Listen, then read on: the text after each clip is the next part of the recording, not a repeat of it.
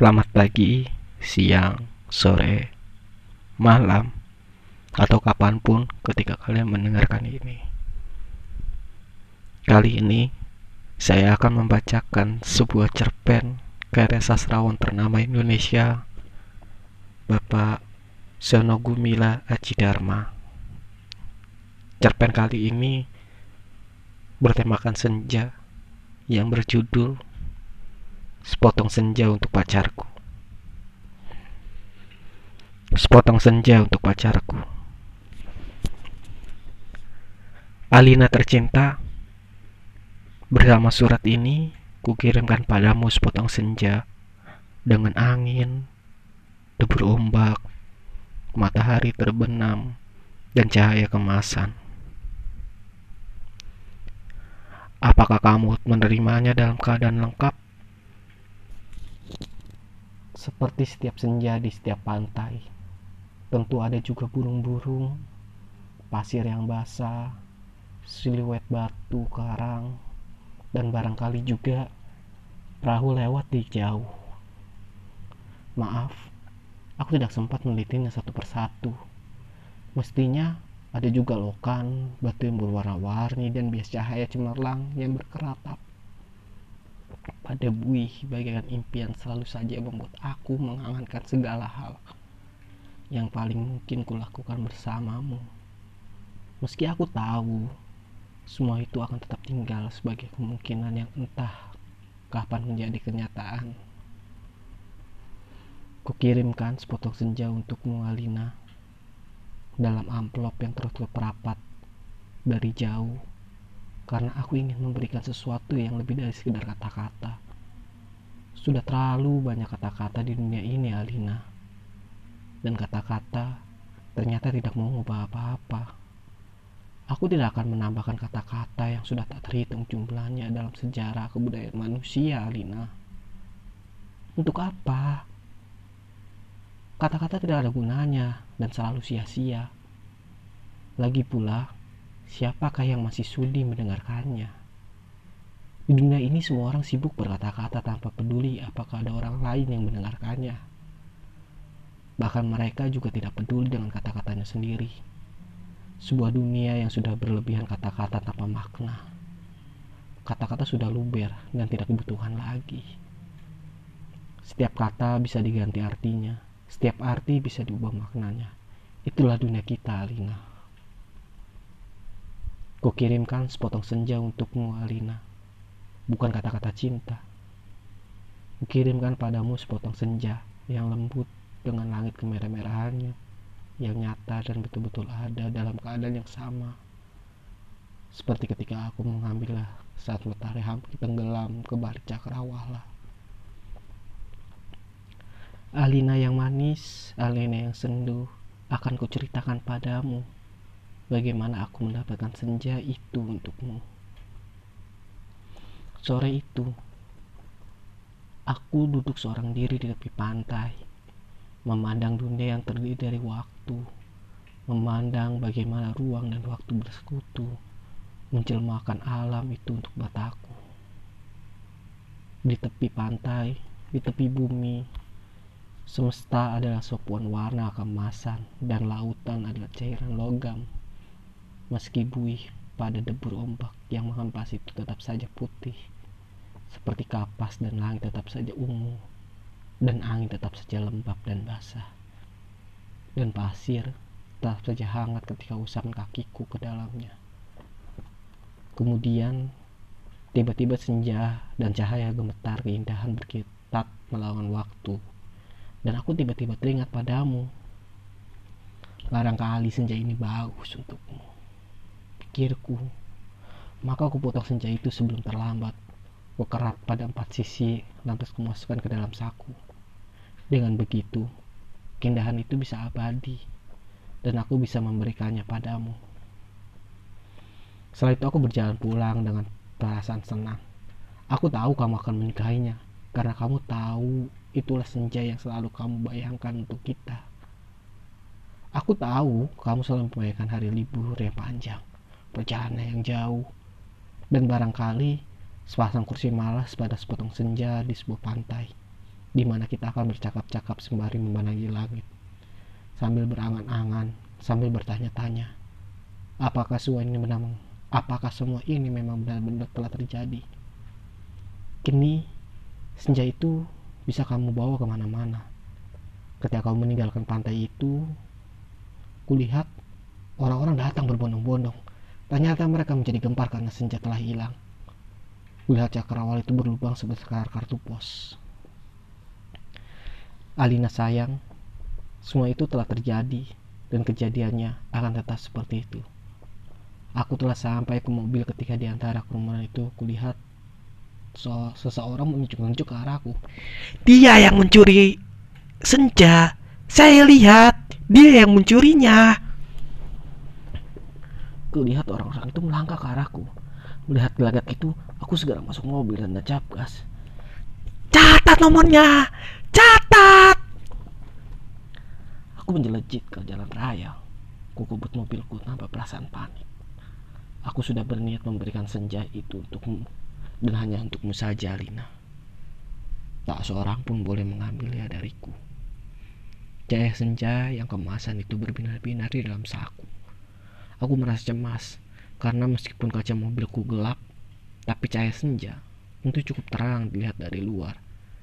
Dan ternyata cahaya senja itu memang menembus genap cahaya dalam mobilku sehingga mobilku itu meluncur dengan nyala cemerlang ke aspal maupun ke angkasa.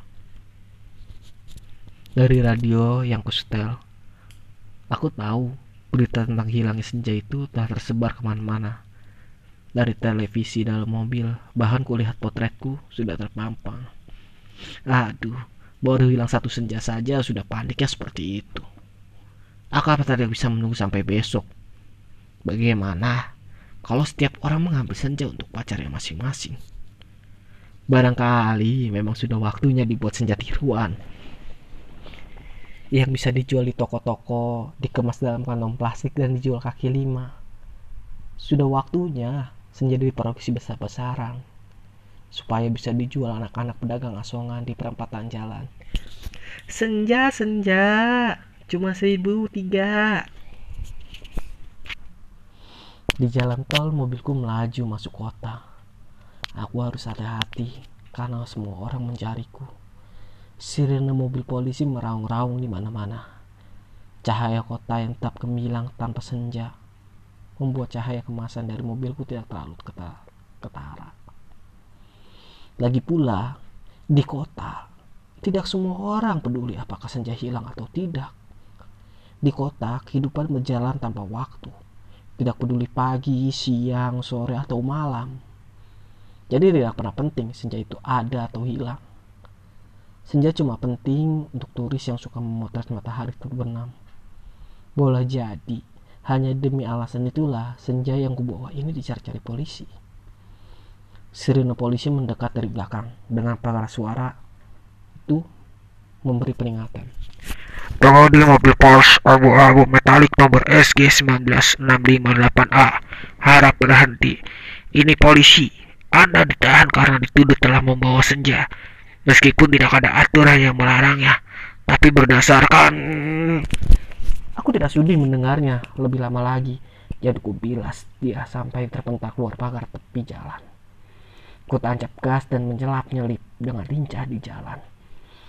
Dan waktu hitungan singkat, Kota sudah penuh rawung sinan polisi.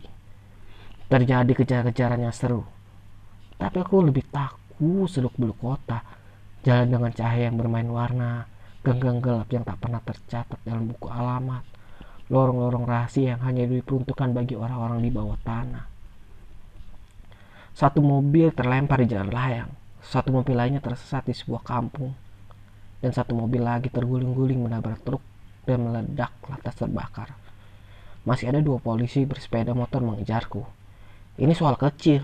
Mereka tak pernah bisa mendahuliku.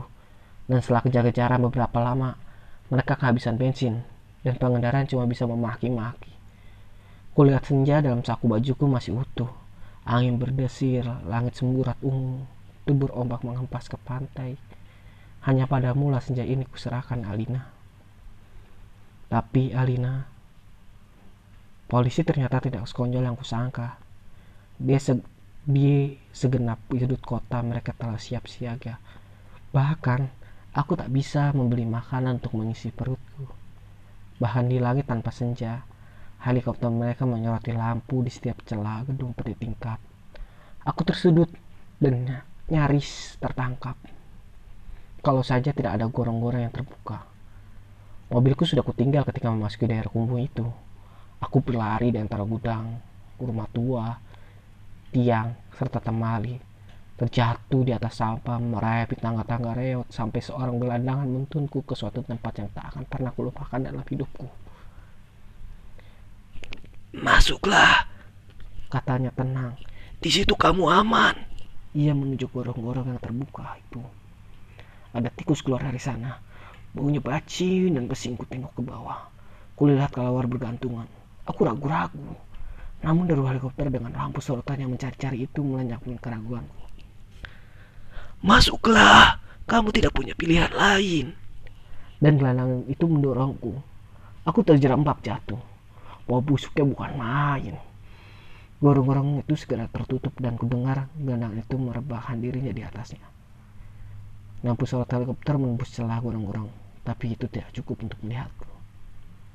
Kuraba senja dalam kantongku, cahayanya yang merah kemas-kemasan membuat aku bisa melihat dalam kegelapan. Aku melangkah dalam gorong-gorong yang rupanya cukup tinggi juga.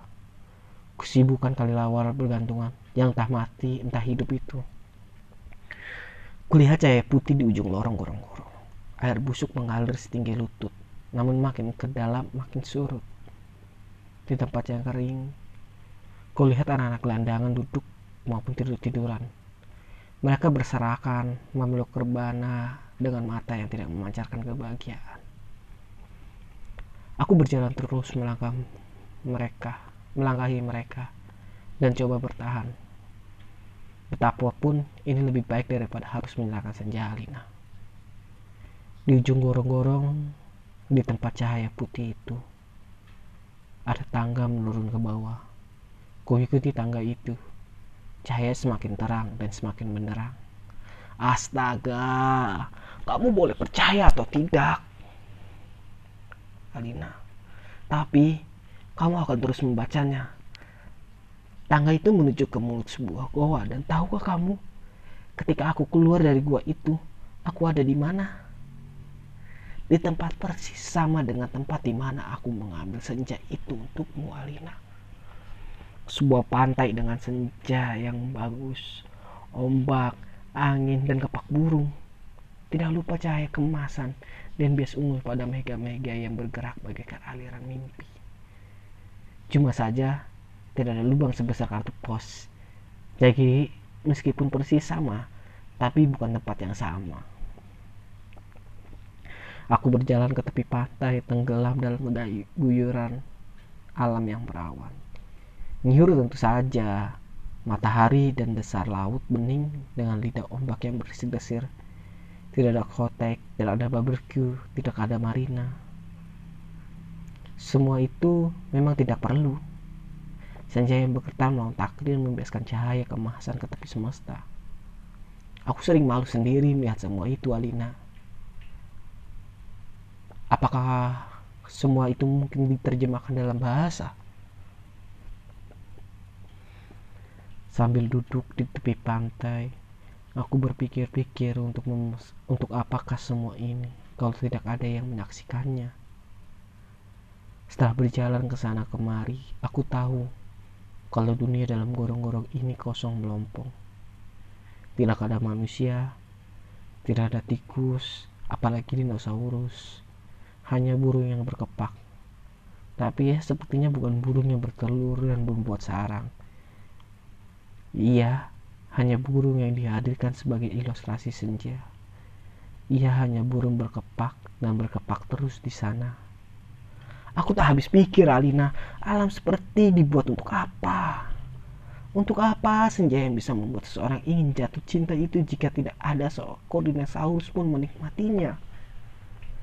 Sementara di atas sana orang-orang ribut kehilangan senja. Jadi begitulah Alina. Ku ambil juga senja itu. Ku kerat dengan pisau Swiss yang selalu ku bawa. pada empat sisinya. Sehingga pada cakrawala itu terbentuk lubang sebesar kartu pos dengan dua senja di saku kiri dan kananku. Aku melangkah pulang. Bumi berhenti beredar di belakangku, menjadi kegelapan yang basah dan bacin. Aku mendaki tangga kembali menuju gorong-gorong bumiku yang terkasih. Sampai di atas, setelah melewati kalelawar, bergantungan, anak-anak landang terberkaparan, dari air setinggi lutut. Kulihat polisi-polisi helikopter sudah pergi. Gelandang yang melongku sedang tidur di bawah tiang listrik sambil meniup saksofon. Aku berjalan mencari mobilku. Masih terparkir dengan baik di supermarket. Nampaknya bahkan baru saja dicuci. Sambil mengunyah pizza, segera kekebut mobilku menuju pantai dengan dua senja di sakuku, yang kiri dan kanan. Lengkap dengan matahari, laut, pantai, dan cahaya kemasannya masing-masing. Mobilku bagi memancarkan cahaya ilahi sepanjang jalan layang, sepanjang jalan tol, ku tancap gas dengan kecepatan penuh. Alina kekasihku, pacarku, wanitaku. Kamu pasti sudah tahu apa yang terjadi kemudian. Kupasang senja yang dari gorong-gorong pada lubang sebesar kartu pos itu. Dan ternyata pas. Lantas kukirimkan senja yang asli. Ini untukmu lewat pos. Aku ingin mendapatkan apa yang kulihat pertama kali. Senja dalam artian sebenarnya bukan semacam senja yang ada di gorong-gorong itu. Kini gorong-gorong itu betul-betul menjadi gelap Alina. Pada masa yang akan datang, orang-orang tua akan bercerita pada cucunya tentang kenapa gorong-gorong menjadi gelap. Mereka akan berkisah bahwa sebenarnya ada alam lain di bawah gorong-gorong dengan matahari dan rembulannya sendiri. Namun semua itu tidak ada lagi karena seorang telah mengambil senja untuk menggantikan senja lain di atas bumi. Orang-orang tua itu juga akan bercerita bahwa senja yang asli telah dipotong dan diberikan oleh seseorang kepada pacarnya. Alina yang manis, paling manis, dan akan selalu manis. Terimalah sepotong senja itu hanya untukmu dari seseorang yang ingin membahagiakanmu. Awas, hati-hati dengan laut dan matahari itu. Salah-salah cahayanya membakar langit dan kalau tumpah, airnya bisa memanjir permukaan bumi. Dengan ini kukirimkan pula kerinduanku padamu dengan cium, peluk, dan bisikan terhangat dari sebuah tempat yang paling sunyi di dunia. Terima kasih.